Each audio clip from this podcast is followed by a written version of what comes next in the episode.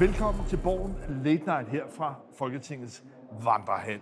Og Jarl Cordua, du har jo tidligere spået, at det var i den her uge, statsminister Mette Frederiksen ville vælge at udskrive valg. Og det har jo, altså, du kan jo stadig nå at få ret, men øh, jeg synes ikke, at jeg har hørt om øh, valgudskrivelsen nu. Ja, det lyder som om, du synes, det har forudsigelsen har efterhånden komikken skær, og det må jeg jo nok indrømme, fordi øh, ugen er, vi har, vi har tirsdag, torsdag har vi jo en, øh, en, øh, en førstbehandling af, finansloven, og man må nok sige, hvis det er sådan, at vi også skal have en, øh, øh en 2030-plan, hvor regeringen kan nå at, at, at komme med alle øh, øh skal man sige, de lækkerier, man kan sige, det er de steder, hvor de gerne vil bruge penge, jamen øh, så er der i morgen, og jeg hører ikke noget på vandrør, når der kommer noget i morgen. Øh, der er måske også øh, nogle reformtanker, som vi også skulle have præsenteret. Danmark kan mere 3 hedder den. Øh, det er i hvert fald blevet bebudet. Øh, skulle de så komme på fredag, og hvornår skal man så udskrive valg? Er det så efter weekenden? Når man så tænker frem og siger, jamen grunden til, at jeg mente, det skulle være nu, det var jo, at øh, vi skulle nå at have den her 20-21 dages valgkamp, sådan så vi kunne nå at have valget overstået, inden at øh, der skal være en åbning tirsdag den 4. oktober. Øh, og så øh, kunne man komme udenom, at de radikale tvang regeringen til at, at udskrive valg. Jeg må sige, at øh, mit barometer nu, det, det er sådan på vej over til et oktobervalg. Ja, og der kommer du så over i flokken sammen med alle os andre, kan man sige, som ikke på noget tidspunkt, kan man sige, som har forventet, at man vil gøre det nu. Fordi det radikale har krævet, det er jo, at Mette Frederiksen skal udskrive valg inden Folketingets åbning. Ikke at Folketinget valget skal være afholdt, bare at det skal være udskrevet. Og der er altså en ræk, lang række fordele for Mette Frederiksen ved at vente. For det første står Mette Frederiksen ikke til at kunne vinde valget lige nu. Meningsmålingen er dårlig, så for hver dag, der går, hver uge, der går, måske lige frem hver måned, der går, ja, der er der i hvert fald den mulighed for Mette Frederiksen, at styrkeforholdet lige pludselig ændrer sig. Så Mette Frederiksen forsøger at trække tiden. Jeg tror nu alligevel, at der er meget, der taler for, at Mette Frederiksen kommer til at udskrive valget, før Folketinget åbner. Og det er der den simple årsag til, at hvis hun udskriver valget, så har hun ikke trådt tilbage. Hvorimod, hvis hun lader den køre helt frem til, at radikale herinde i Folketingssalen skulle stemme for et mistillidsvotum, ja, så vil regeringen vælte, og det kan få en stor betydning efter et valg. Særligt efter et valg, hvor der er et mudret valgresultat, hvor Mette Frederiksen, altså i det scenarie, hvor hun udskriver valg selv, stadig vil være statsminister. Og så vil der trods alt skulle være en anden, der skal udfordre hende. Så derfor for Mette Frederiksen er det helt afgørende at undgå at der kommer et mistillidsvotum, at hun bliver væltet som statsminister, og derfor kommer hun til at udskrive det selv. Og, øh, og det kan hun jo så nå at gøre, øh, for eksempel under åbningstalen, det tror jeg ikke, hun vil, øh, den 4. oktober. Så kan hun vente til at gøre det dagen efter, for eksempel den 5. Hun kan også gøre det under øh, åbningsdebatten den 6. Øh, hvor vi jo ved, at til sidst vil det jo ende med, at der vil komme radikal øh, dagsordensforslag, hvor så vil være en mistillidsvotum. øh, dagsorden til regeringen. Og vi kan, vi kan nå at komme, hvis det passerer midnat, så kommer vi jo over til den, øh, den 7. Øh, oktober, før at, at, øh, at der i virkeligheden er udskrevet valg. Lad, lad os nu se, om det går øh, sådan. Øh, man kan også sige, at der er andre argumenter her i weekenden.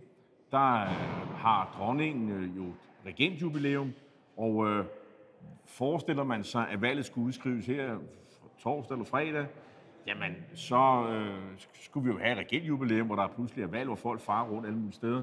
Øh, så det var også et argument for at måske vente til næste uge, eller næste uge igen. Du nævner meningsmålingerne.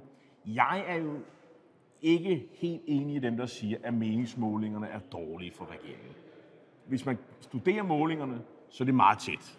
Det er et mandat, et eller to på vej til den ene side og den anden side. Øh, det er først set, at en regering øh, har været mere bagud og alligevel vundet. Øh, så, så, så jeg er simpelthen ikke enig i, at, at, at, i den præmis. Det er ikke noget dårligt udgangspunkt for en regering at stå lige øh, ved udgangspunktet af en valgkamp. Og, og, og, men, men det der ligesom også er, i hvert fald når man spørger nogle af dem, der sidder i regeringen og andre omkring øh, statsministeren, fordi hun siger jo ikke noget, Mette Frederiksen. Det er jo sådan noget med, jamen prøv nu at høre her. Søren Pape er lige pludselig trådt frem på scenen som, som statsministerkandidat. Han er nu i gang med at blive testet og trykprøvet og gennemlyst Øh, Ekstrabladet, de har gang i hans mand og sender folk til, hvad vi er, Dominikanske Republik, og Karibien og andre steder, og se, hvad, der, hvad de kan finde i snavstøjskuren, øh, og held og lykke med det. Øh, andre øh, er mere interesseret i deres øh, politiske program, deres økonomiske plan, der blev gennemlyst. Det så vi også i, i den øh, duel, eller øh, plus sidevogn, eller triel, eller hvad meget man kalde det, øh, der var her i, i, øh, i søndags. Øh, det håber de jo kan, kan et eller andet. Plus det, at Socialdemokratiet jo på et tidspunkt skal komme med deres politik, og det vil også kunne arbejde for dem. Det er ligesom det, der er tankegangen. Så hvorfor er verden udskrive et, et valg nu, sådan i mere eller mindre panik, hvor, hvor tingene ikke ligesom står i, i deres øh, går deres vej. Men, ah, men, ja, ja, ja, der er altså ikke mange socialdemokrater, jeg i hvert fald taler med, som altså, har, har ro i maven. Der er en stor ængstelighed i forhold til det, jeg kan gå galt.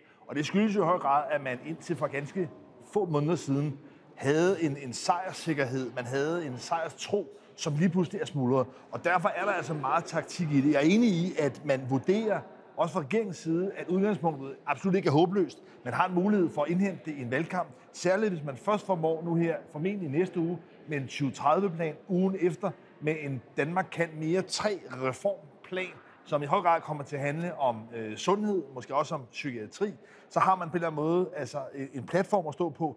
Og så er det, taktikken kommer ind. Og jeg tror, at øh, i hvert fald den tænkning, der er lige nu, beslutningen er ikke truffet endnu, men den tænkning, der er lige nu, ja, der vil man gerne have udskrevet valget i virkeligheden, måske i slutningen af september, så man får en timing, hvor man altså får valget i gang i begyndelsen af oktober, så midt i oktober, ja, der har vi skolernes efterårsferie. Og det er jo normalt noget, man vil sige, jamen det forstyrrer en valgkamp, men det er lige præcis den forstyrrelse, som Socialdemokratiet håber på. For der er satsningen, at man i de første to uger af valgkampen måske kan have en debat, hvor de borgerlige kan rase ud med deres kritik om Mink og om Mette Frederiksens personlighed. Så kommer efterårsferien, folk tjekker lidt ud, tager væk, slukker for øh, valgdækningen, og så er den dagsorden, håber Socialdemokratiet på en eller anden måde, altså rase ud, og så kommer man tilbage til slutspurten i de sidste uger af oktober, måske helt frem til omkring 1. november, hvor man så får en, en ny valgkamp, hvor det kan handle om de udspil, regeringen er kommet med. Det er i hvert fald den sådan, taktiske tænkning, der præger dele af regeringen lige nu. Og, og det køber jeg sådan set. Altså det her med, at, at valget falder midt i efterårsferien, folk er bortrejst og sådan noget, det er nok ikke det klogeste. Så, så, så, så, så valget, der skal tages hensyn til det. Hvorimod, at det, der er altså synes, god mening i, at, at, at valget ligger øh, i ugen efter efterårsferien. Øh, så kan man tage væk øh, til, hvad ved jeg, sol og sommer, eller skiferie, det er lidt, nok lidt for tidligt. øh, men hvad vil jeg til, vandre i fjellene, eller tage til Sverige, eller hvor man nu kan tage og så glemme alt om valget i en, uge, i en uges tid og komme tilbage igen. Det, det, det, det, det køber jeg sådan set. Øh, det, der jo ligesom også er øh, håbet hos Socialdemokraterne, det er jo, at det vi også kan se, øh, den her rivalisering mellem øh, Venstre og Konservative, som vi også talte om i, i sidste uge, at den også får lov til at udvikle sig. Nu var der jo den her duel med sidevogn, som jeg, og jo, du, så kan du sige, hvem der skulle være sidevognen. Det, det vi så i DR1 kl. 21 søndags, øh, at den her rivalisering mellem Ellemann og Pape, den sådan brød ud i lys lue, øh, lys lue, og at det kunne øh, ligesom, øh, stjæle opmærksomheden og, og skabe splid osv. Synes du, det lykkedes, eller havde Socialdemokraterne det håb, de havde? Synes du, det, de havde noget at, at håbe på, eller Øh, blev, det, blev det opfyldt nej. i, i, i søndags? Nej, klart nej. Altså, hvis Socialdemokratiet havde satset på, at de ligesom kunne sætte lus i skinbælsen, at de ligesom kunne skabe splid mellem Jakob Ellemann og Søren Pape, så var det i hvert fald nogle øh, fromme håb, der øh, mislykkedes. For jeg synes tværtimod lidt, at man kom til at se sådan en to mod en situation. Og ikke kun, kan man sige, i antal, men i virkeligheden også i positioner ideologisk, kan man sige, har vi nu en valgkamp, der tegner til som at være på den ene side ret klassisk rød-blå. Mette Frederiksen mod Søren Pape. Det er Søren Pape, der er simpelthen en borgerlig udfordrer. Men i den politiske substans, ja, der kom Jakob Ellemann i virkeligheden til ligesom at kunne placere sig lidt imellem, lidt mere pragmatisk, lidt mere imellem. Jamen han vil både bevare øh, Arne-pension, som Socialdemokraterne, men han vil egentlig også gerne have nogle skattelettelser, afgiftslettelser, ligesom... Øh, han var, altså, han var, han var meget enig med Søren Pape, lader jeg mærke Men han var også enig med Mette Frederiksen, ja. så man kan sige, så, så det der egentlig opstod, og som jeg tror, kan man sige, vil vise sig at være en fordel for de borgerlige, hvis vi får flere af de her trieller, som jeg vælger at kalde det. Det, det er jo vist en vadefugl. Nej, ja, men det er nu fordi, man kalder det, det i Tyskland, hvor man har tradition for det, og have tre kandidater, der hedder det en triel. Så, ah. så, så jeg går med det ord, men, men, men det, jeg synes, der var kendetegn ved den her triel, tv-triel, det var, at man altså havde en, en klar rød Mette Frederiksen, mm-hmm. en kongeblå i Søren øh, Pape, og så ret overraskende i virkeligheden i forhold til den historiske position, Venstre har haft, så med Venstre og Jacob Ellemann i sådan en midterposition. Og pointen er bare her, at det gør jo, at øh, de borgerlige får en lidt bredere palette. Det er mere bredspektret i forhold til deres appel. Så jeg synes, det her set op, i hvert fald så længe Jakob Ellemann og Søren Pape ikke ryger totteren på hinanden og, og rivaliserer, ja, så synes jeg, at det her format ser ud til at være en fordel for de borgerlige partier. Men øh, øh, blegner han ikke lidt øh, element der i, øh, i, altså du har den kongeblå, og så har du den jeg vil ikke, jeg vil ikke kalde hende dybblå, eller dybrød, øh, men hun er i hvert fald rød. Lyslilla, øh, lyserød. Det er i hvert fald en rød farve, det, så langt vil man nok øh, gå. Men, men, men øh, er, det, er det ikke en farlig position, han har, Ellemann, det, og bliver lidt glemt? Han kunne godt ligne en sidevogn. Jamen, det er jo fuldstændig ligegyldigt for både som Pape og Jacob Ellemann grundlæggende, hvem er dem, der ender med at kunne blive statsminister. Fordi man skal huske, at for et halvt år siden, ja, der var der ingen af dem, ingen af dem, der så meget som troede på, håbede på næsten, at de kunne blive statsminister. Der var det mere netop den her rivalisering, der handlede det bare om, kan man sige, at få stemmer til partiet. Nu er man i den ret omtumlede situation, at det faktisk ser ud til med stor sandsynlighed at kunne blive en borgerlig statsminister. Og i den situation, ja, der synes jeg, det virker troværdigt, når Jacob Ellemann faktisk siger ind i kameraet, jamen han er villig til at være minister i Søren Papes regering. Men Søren Pape siger ikke helt det samme, men, men, men han mener nok også. Så vi er altså ikke ude i en situation, hvor det afgørende er, om Jacob Ellemann som kan blive statsminister. Jeg vil ved at sige, who cares? Det afgørende, kan man sige, for de borgerlige Ej, er jo på det, den tror jeg nok, Venstrefolk går lidt op. Jo, han gør det da selv, men man kan sige, altså for, for, for vælgerne betyder det nok ikke så forfærdeligt meget, om det er den ene eller den anden, der bliver statsminister.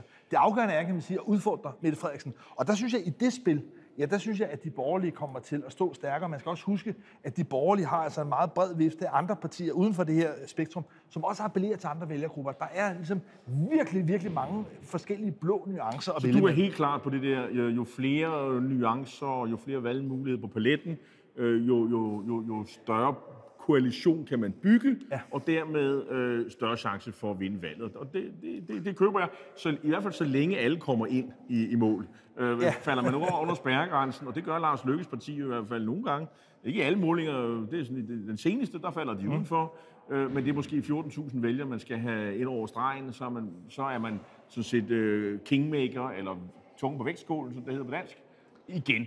Og, og det synes jeg, der er meget stor sandsynlighed for, at de er. Når jeg så den debat, øh, og, og, og det kommer ikke til at betyde noget som helst, øh, sådan en, en enkelt debat, den flytter ikke noget, men den siger lidt om formen nu her. Jeg synes, det var en statsminister, som var lidt ude af form med at, at tage de der dueller og være frisk og, og så videre.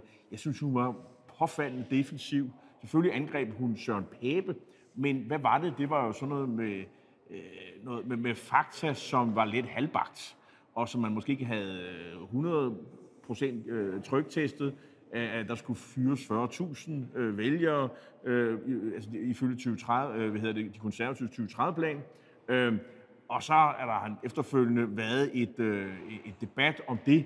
Det, det passer. Det, det, det, det er nemlig en beregning, som Finansministeriet har lavet, i øvrigt på forspørgsel fra de konservatives ordfører, finansordfører, Rasmus Jarlov, om hvor meget deres plan nu vil, øh, vil betyde for øh, den offentlige beskæftigelse. Og, øh, og der tror jeg, tallet var 41.000. Men øh, det er vist, når der er nulvækst, og, og det de jo egentlig har tænkt sig, det er at øge øh, væksten en lille smule. Så det er i hvert fald ikke 41.000, så kan det være det 36.000, eller hvad det, det kan være. og nok så væsentligt, så er det heller ikke folk, der bliver fyret. Nej, de bliver vel ikke fyret, det er sådan noget naturligt år, ja, så, afgang. Så, så, det er jo i høj grad folk, kan man sige, som skifter jobs. Det vil være folk, der går på pension. Så som jeg siger, så forestillingen om, at de konservative ligesom rent faktisk har lagt en plan frem, som vil betyde, at der skal fyres, altså 40.000, altså 40.000 mennesker, der skulle få en fyreseddel, mm. det er faktuelt ikke rigtigt. Men det, der jo totalt er pointen stadigvæk, det er, at med den plan, de konservative har lagt frem, og derfor tror jeg stadig, at temaet kommer til at gnæve videre. Med den plan, de konservative har lagt frem til, ja, der er der jo lagt op til en markant lavere vækst, og en situation, hvor der kommer flere unge og ældre, hvor udgifterne på en måde automatisk stiger, ja, der kommer der til at skulle ske nogle ret store omprioriteringer. Og der er Mette Frederiksens påstand så, ja, at det vil føre til, at folk vil opleve velfærdsforringelser. Og den dagsorden, ja, det er jo altså en meget klassisk øh, platform for Socialdemokratiet, og der har Søren Pape jo, som vi også har været rundt om, han har jo på en eller anden måde foræret Mette Frederiksen nogle argumenter, som måske ikke blev leveret, synes jeg egentlig, så robust, som man kunne forvente af en statsminister, netop fordi, at det ligesom faktuelt var lidt flosset i kanten, men ikke desto mindre det følelsesmæssige argument.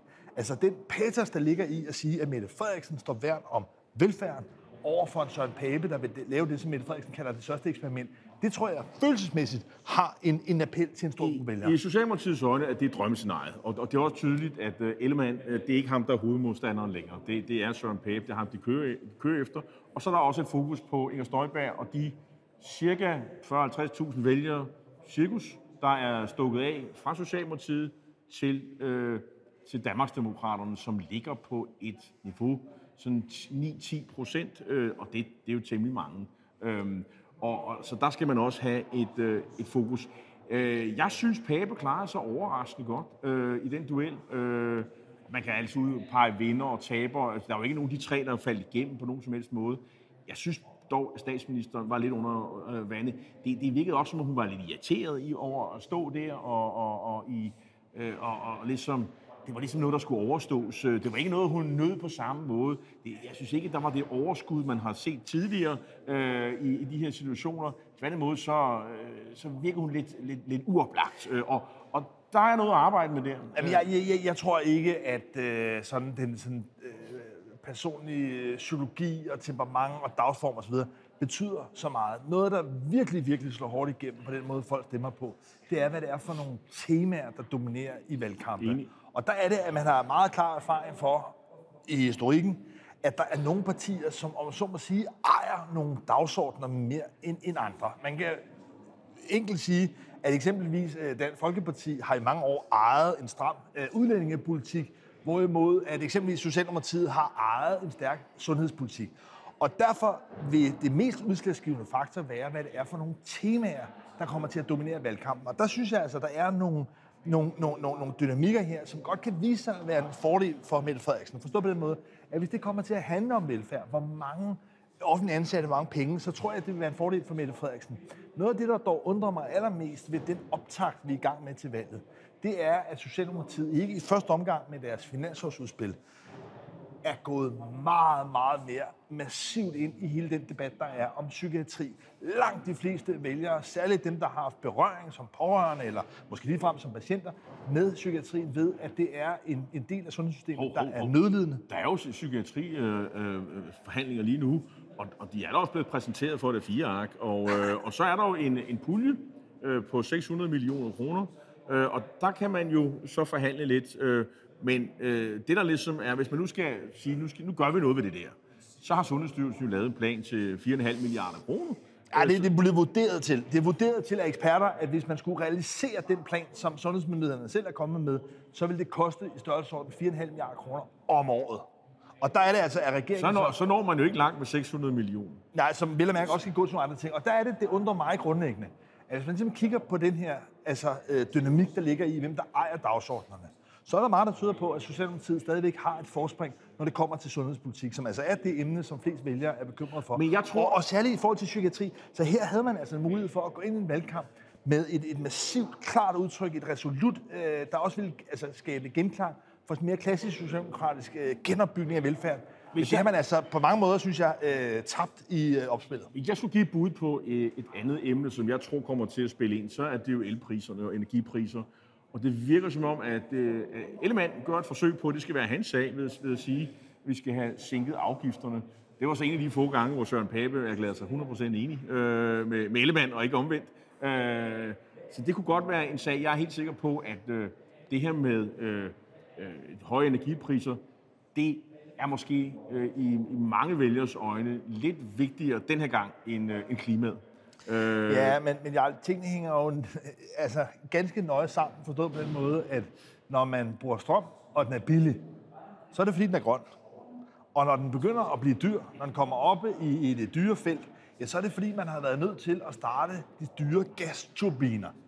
Og, og, og derfor er det jo helt simpelt sådan, at, at, at, altså, at jo mere man får investeret i vedvarende energi, ja, jo billigere strøm har man mulighed for at få. Og, og omvendt, men det kan man jo ikke nå til vinter. Nej, det kan man ikke nå, men, men hvis man lige prøver at tænke det igennem, og en gang imellem er det jo okay at være lidt snusfornuftig. Men hvad sker der egentlig, hvis man fjerner, for eksempel, lad os bare sige, momsen på, øh, på elprisen? Det, det, det er noget af det eneste, altså eneste land i Europa i hvert fald, tror jeg, hvor man har så mange afgifter, blandt andet moms også på el. Hvis man fjerner det, hvad sker der så med elprisen? Ja, i første omgang kan man sige, altså vil den blive lidt billigere, og det vil gøre, at man så kommer til at bruge mere. Det vil sige, at man kommer til at bruge mere russisk gas øh, reelt. Men vi har jo ikke mere russisk gas, for de har jo lukket for gas. Jo, jo, men det er jo stadig den guld gas, der ligger i, øh, altså i kammerne rundt omkring. Så det er altså gas, man i hvert fald har købt i, i Rusland, man kommer til at bruge. Pointen er bare, at der er en nøje sammenhæng mellem ja, den grønne omstilling og billigpriser. Men, og, og, og, og der er det, jeg er helt med på, at det er ikke noget, man kan nå her i løbet af vinter. Men vi har sådan en sammenvikling her, men som, vi, som, som vi klart vil blive domineret til. Men vi skal have et svar på det, øh, fordi der er ikke valg til næste år, der er valg nu, tror jeg. Og, øh, og derfor så skal der komme nogle svar nu, som folk finder troværdige. Og, øh, og man kan sige, at regeringen er jo også øh, på vej derhen af ved at sige, at altså, der er jo en, en nedsat en inflationspulje øh, på 2 milliarder kroner, og, øh, og det skal vel gå til initiativer, altså det er jo, øh, det er jo elprisen eller energiprisen, der driver inflationen, og også andre ting, der driver øh, øh, øh inflationen.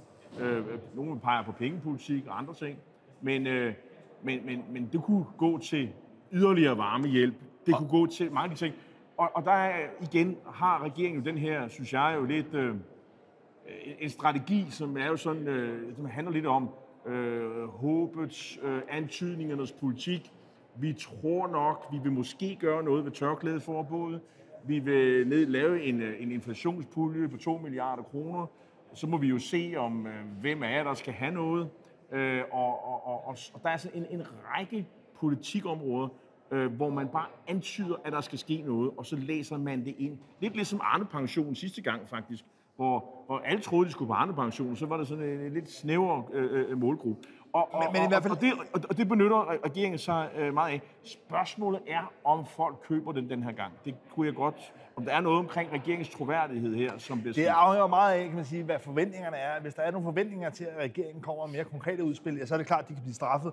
Hvis folk har en forventning om, at de ikke behøver at komme med mere, end hvad de blå partier kommer med, ja, så står det nogenlunde lige. Fordi man kan mildt heller ikke sige, at det er fordi, at de blå partier er kommet til at de men, men, men, men, Venstre har jo heller ikke fremlagt deres 2030 plan. Og, og, og jeg kunne godt forestille mig, at øh, det kunne godt være, at de ventede med det, til at øh, Socialdemokraterne kom med deres. Men i hvert fald, hvis den her debat, hele den her meget, meget eksplosive dagsorden omkring energipriser, hvis det bliver, som du spår, en af de dominerende dagsordner i valgkampen, så tror jeg helt klart også, at med det enkelte forslag, som Jacob Ellemann eksempelvis er kommet med, simpelthen bare at banke elafgifterne i bund, ja, det vil være noget, der har en større appel end det budskab, Socialdemokratiet forløbig er kommet med om de her kompensationsordninger. Fordi det har jo været en katastrofe, den øh, varmesjek, som Dan Jørgensen har skulle uddele. Og jeg tror, at hvis Socialdemokratiet ender med at tabe øh, en valgkamp, efter at det har været diskuteret med varmesæk kontra elafgiftssænkninger, så tror jeg, at Dan Jørgensen vil være en af dem, der vil blive beskyldt for at have øh, at fumlet det i stykker i et afgørende øjeblik. Og hvis jeg må komme med endnu et eksempel på det her med antydningspolitik, så er det jo det her, man åbner for øh, øh, skal man sige, øh, højere løn til, til sygeplejersker. Det, der, det talte vi også om i sidste uge. Altså, det kører jo videre. Altså, hvem er det i den, blandt de offentlige grupper? Det er jo ikke kun sygeplejerskerne, der skal have øh, højere løn. Og, og, og det har man jo ikke rigtig fået øh, pillet ned igen. Så det igen, øh, alle dem, der er i offentlige ansatte grupper, SOSU, hvad ved jeg, de kan sige, jo, men altså som Socialdemokratiet, så kan vi da få en lille billet. Øh, det, går, det er ikke sikkert, at dit nummer kommer ud, men man har dog en chance for men jeg... at få noget højere løn, øh, ud over det, som øh, vi fik i forrige Men hvis skuffelsen, hvis skuffelsen først indtræffer efter valget, ja. så gør det jo ikke så meget. Nej, det er for regeringen. øh, men, men, men det er jo ligesom at give, her har vi et nummer, og så må vi håbe, at dit nummer kommer ud. Jeg tror ikke, vi når mere øh, øh, i den her uge, Lars øh, Trier Mosen. Øh, det kan jo være, at valget er udskrevet i næste uge. Jeg tvivler nok lidt på det. Øh, jeg tror, vi skal øh, måske øh, se en uge øh, næste uge, hvor der måske kommer øh, lidt mere fra Socialdemokratiets hånd, måske en 2030-plan. Hvem ved? Tak fordi I så med. Øh, vi ses igen forhåbentlig i næste uge.